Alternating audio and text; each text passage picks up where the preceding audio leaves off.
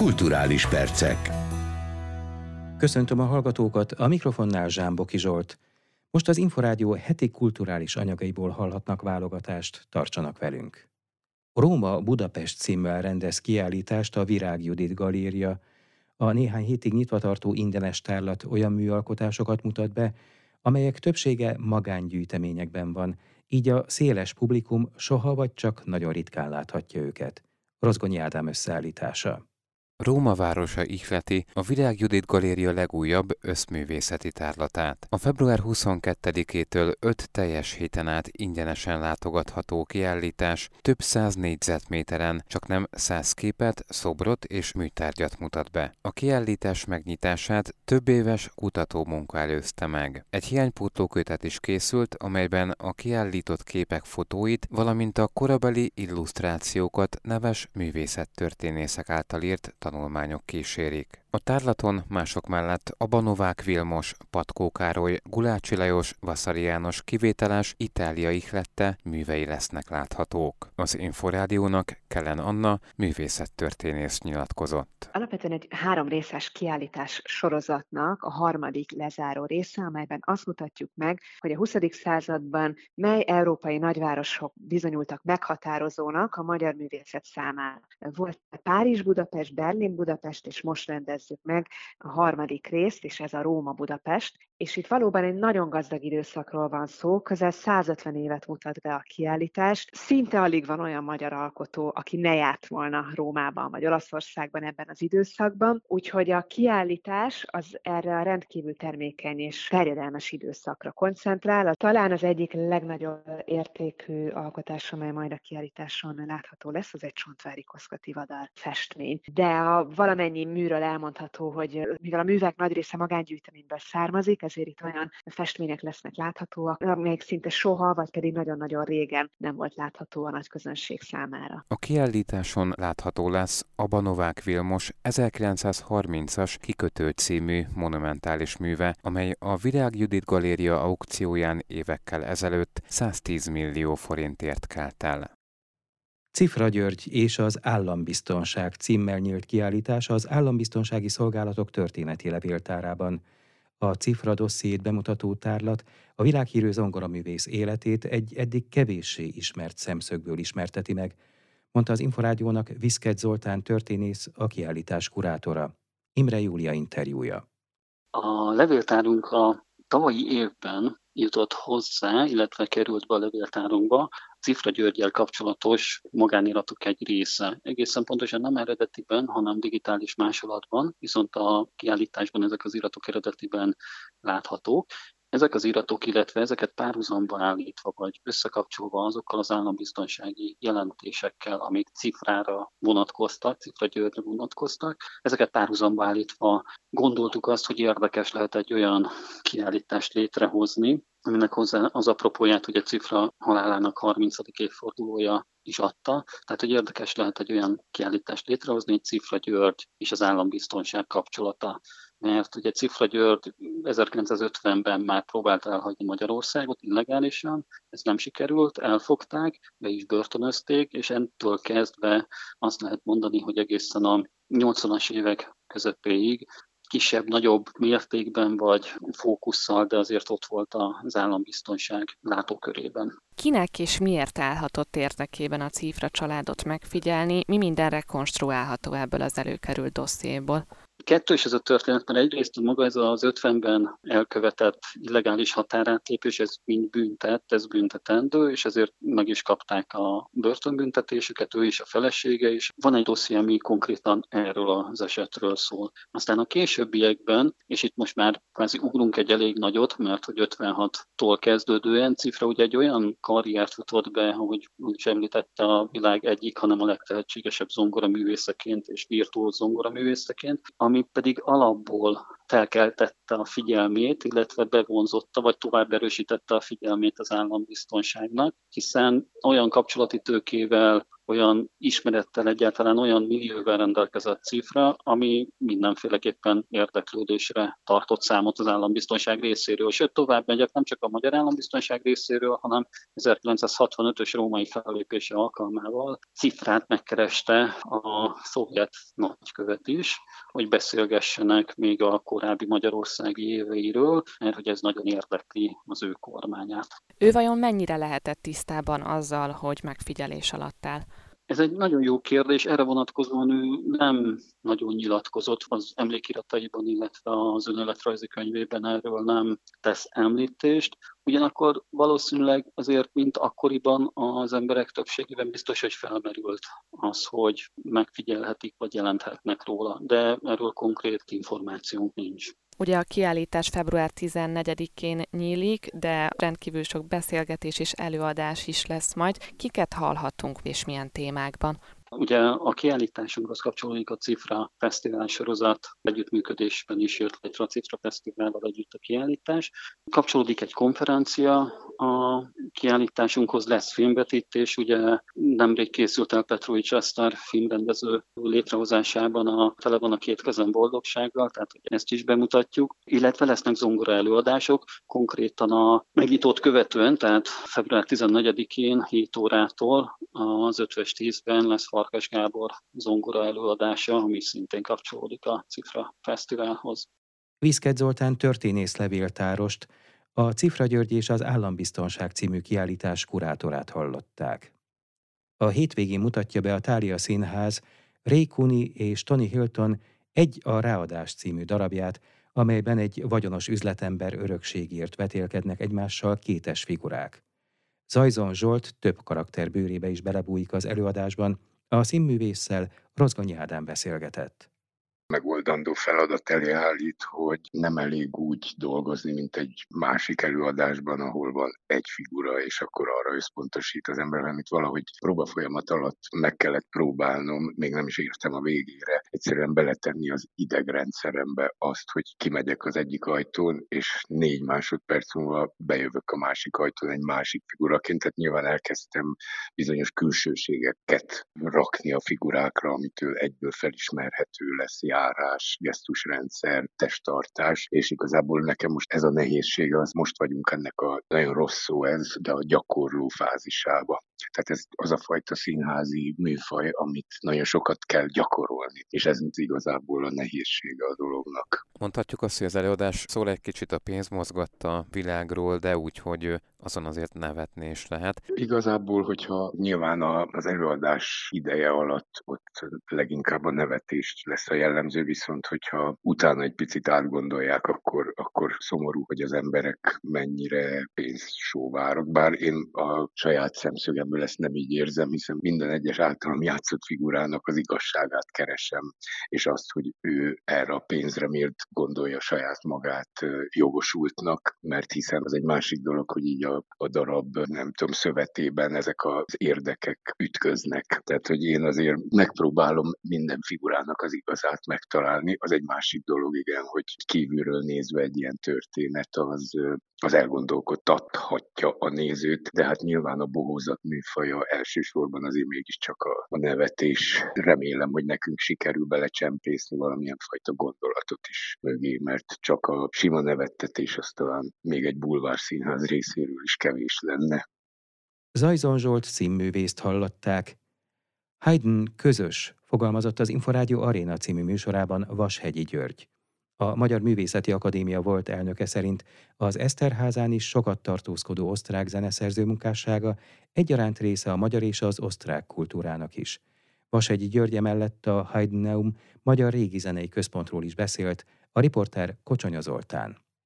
A Heideneumnak, mint intézménynek alapítványi formában működik, az alapító jogiratban nevesítve. Van a két rezidens együttes, az általam alapított, annak idején alapított Pörszelkorú Sorfeózenekar, tehát ezek az együttesek kiemelt szerepet vállalnak a De nincs is tervben, hogy a, hogy a Heideneum majd akár helyszínben is Eszterházához kötődjön? Nagyon sok koncertet adunk, szervezünk Eszterházán, tehát a 23-as évben 25, ha jól emlékszem, 25 estét. De ennek ugye korábban is volt hagyománya, még jó, jócskán a Heideneum létrehívása előtt is. Hogy volt tehát? Fesztivál Haydn napok Eszterházán, ez 98. szeptember 4-ére örökre emlékezni fogok, az volt az első Haydn Fesztiválnak, a Magyar Haydn Társaság első fesztiváljának a nyitó koncertje, amelyet én vezényelhettem 98. szeptember 4-én. Eszterházán Strém Kálmán barátomnak óriási érdemei voltak ebben, aki koncertszervezőként ezt elindította. Ugye a kastély és műemlékek kulturális tartalommal való megtöltése az mindig egy nagyon érdekes kihívás. Három évtized alatt arra rájött az ember, hogy a kastélyt fenntartó intézményeknek ritkán van, állnak olyan jól a csillagok együtt, hogy legyen szakértelmük, forrásuk, kapacitásuk, helyszínük, magas színvonalú kulturális művészeti program lebonyolítására. Részben ez a felismerés ihlette a Haydneum ötletét. Tehát a Haydneum együttműködik az Eszterházi, Fertődi Eszterházi kastélyjal,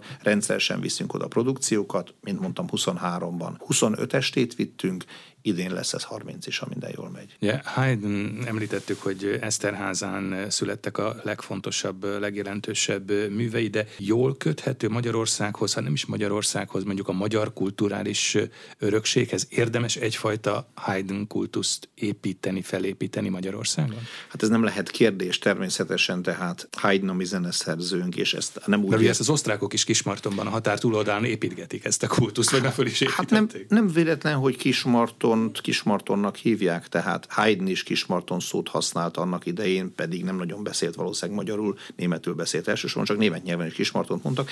Az, hogy közben egy ilyen furcsa határt húztak ide Trianonnál, ennek szerintem túlságosan nagy jelentősége szerencsére mai világban nincsen. Ausztriával a legnagyobb együttműködésre kell törekedni, szerintem, ahogy szoktam mondani, mindenkinek jut hangjegy. Tehát Haydn, mind a, Haydn közös. A mi kultúránk, és ahogyan a habzúrok is egyébként a jó, józanabb pillanataikban azért egyfajta Szent Istváni birodalom birodalom helytartóinak tekintették magukat. Úgy ezért ez egy kultúrkör, egy világ, amelynek József Haydn, Michael Haydn ugyanúgy része, mint István Fibenedek vagy Likül, mm. de hát mondom, egy ilyen Klein Heinz nevű zeneszerző, aki egyszer csak ide keveredett Németországból, Szentpétervár és nem tudom mi között, és Párizs között, végül is Budapesten vagy Pest-Budán fejezte be az életét. Vasegyi Györgyöt a Nemzeti Filharmonikusok főzeneigazgatóját, a Magyar Művészeti Akadémia volt elnökét hallották. Vándor kiállítássá emelte a népszerűség a Nimrod fotótárlatát, amelyen 111 fényképen mutatják be a 111. évfolyamába lépő vadászújság legjobb fotóit. Erről és egy új Széchenyi Zsigmond könyvről Herceg Zsolt szerzett információkat, amikor a 30. Fehova kiállításon járt az Inforádió tudósítójaként. A fotókiállítás alkalmi tárlatnak indul, de akkora sikere lett, hogy további városok is jelentkeztek érte, mondta az Inforádiónak a Fehova kiállításon Bors Rihárd, a 111 éves Nimród vadászújság főszerkesztő helyettese. Kettő darab fotón vagy grafikán szerepel a fegyver, mint a vadászat elengedhetetlen eszköze. Mi nem ezt az oldalát szerettük volna megmutatni, hanem azokat a természetből ellopott pillanatokat, amit a halandó ember nem biztos, hogy meg tud látni, meg tud pillantani, viszont a fotós kollégáknak ez az életük, képesek órákat feküdni a sárba, hogy egy kis rókát le tudjanak fotózni. Mi ezt az oldalát szerettük volna megmutatni a vadászatnak, azokat a kincseket, amikkel, ha figyelünk és ott vagyunk, akkor szembesülhetünk. A Nimród vadászújság főszerkesztő helyettese beszélt arról az új könyvről is, amely első írásaim címmel Széchenyi Zsigmond vadász és író eddig kötetbe még nem rendezett publikációit tartalmazza. Nagyon-nagyon régi újságokból, mai nap, vasárnapi újság mellé melléklete, Pesti hírlap, kiollózott történetek, amikor fölkérték az akkor kezdő tapasztalatlan vadászt, hogy számoljon be, tudósítson a vadászatairól, és ezeket szedtük egy csokorba, amiket így megtaláltunk. Rettenetes kutató munka előzte meg ezt. Én azt gondolom, hogy jól sikerült, olyannyira jól, hogy ebből a kötetből, aki figyelmesen olvassa, észreveheti a kezdő író vékony vonalvezetését, hogy így mondjam, nem mert még úgy fogalmazni, nem volt olyan kristálytiszta, mint ami a későbbi könyveiben már lecsengött, szépen kitisztulva tudta az olvasó elé tenni azokat az élményeket, ami ugyan itt is megjelenik, de ott már egy érettebb fejjel történő írás történt. Az új Széchenyi Zsigmond könyv Horváth József szerkesztésében a Dénes Natur műhely kiadásában jelent meg, tette hozzá Bors Rihárd, a Nimrod Vadász újság főszerkesztő helyettese. Herceg Zsolt, Inforádió 88,1. Kihirdették a 42. Magyar sajtófotópályázat díjazottjait. Az idén 250 fotográfus 2470 pályaművel összesen 6801 képpel nevezett.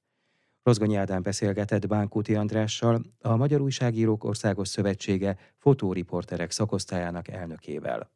Kiemelkedő volt most a sportanyag, tehát rengeteget számított az, hogy volt a atlétikai világbajnokság Budapesten, emiatt nagyon sok, nagyon jó magyar fotográfus is ott lehetett, és csináltak nagyon jó képeket. Tehát a zsűri egybehangzó, nemzetközi zsűri egybehangzó véleménye szerint ez volt a legjobb kategória. Tehát tényleg sokáig vitatkozott a zsűri, hogy ki nyerjen, hogy nyerjen, mert nagyon sok nagyon jó kép közül kellett választani. A többi kategória se volt gyenge, de ez annyira kiugrott, annyira erős volt, hogy az mindenkit meglepett. Meg kell mondjam még engem is, pedig elég régóta vagyok a sajtófotó közelébe, de a zsűri elnök Szlukovényi Tamást is meglepte, pedig hát ő a Reuters globális fotóigazgatója volt, tehát ő is rengeteg sportvilág eseményről látott rengeteg nagyon jó képet jó fotográfusoktól, de szerencsére most ez nagyon-nagyon jól kijött a magyar fotográfusoknak, úgyhogy a kiállításon is egy nagyobb, jóval nagyobb anyag lesz a sportból, mint szokott általában. Egyéb kategóriák is vannak, arra milyen minőségű fotók érkeztek? Én azt hiszem, hogy jó volt a felhozatal minden kategóriába. Én nagyon örülök, hogy nagyon sok új, meg nem teljesen új, de fiatal nyert sok díjat. Tehát ki kéne talán emelnem igazából Meleg Noémi napsugárt, aki három díjat nyert, Mohos Mártont, aki szintén nagyon sok díjat nyert, Szajki Bálintot, aki tulajdonképpen a legjobb 30 év alatti fotográfus is lett, és szintén nagyon sok díjat nyert, hát ő nyerte el végül is a legjobb 30 év alatti fotográfusnak járó Szalai Zoltán díjat, és hát Szalai Zoltán volt, aki ezt az egész sajtófotót úgy felkarolta, hogy most már 42 éve egyfolytában csináljuk a kiállítást minden évben. Úgyhogy ők azok, akik így nagyon jók voltak, van egy nagyon kemény anyaga a mindennapi életben, Kölcsei gyurkósára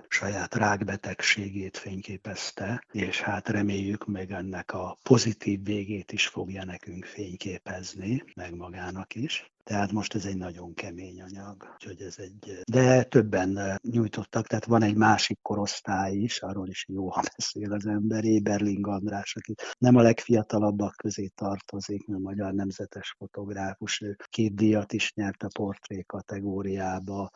Volt egy külön olyan kategóriánk, amit úgy gondoltunk, hogy ha Budapest 150 éves, akkor nekünk is mint egy speciális külön kategóriáról meg kell emlékeznünk. Ebbe is nagyon jó képek jöttek be. Itt Bócs Krisztiánnak a drónképeit tudnám kiemelni, amik hihetetlen szép felülnézeti képek, és nagyon szépen vannak komponálva, tehát Kiskuntler Árpádnak is nagyon érdekes Angyalföld 60 év távlatából régi 60 évvel ezelőtt készült képeket, és a most ugyanazon a helyen készült képeivel egészítette ki, úgyhogy ez egy ilyen nagyon érdekes anyag, szokatlan is volt, mert a 60 évvel ezelőttieket az koránál fogva még nem csinálhatta, de minden képnek a jogát megszerezte, és fel van tüntetve mindenütt, ahol ezt kell. Bánkuti Andrást a Magyar Újságírók Országos Szövetsége fotóriporterek szakosztályának elnökét hallották. Az elmúlt percekben az Inforádió heti kulturális anyagaiból hallottak válogatást. A kulturális rovat vezetője Kocsonya Zoltán, a felelős szerkesztő Szatmári Katalin, valamint a szerkesztő Rozgony Ádám nevében is köszönöm figyelmüket, Zsámboki Zsoltot hallották. A kulturális perceket hallották.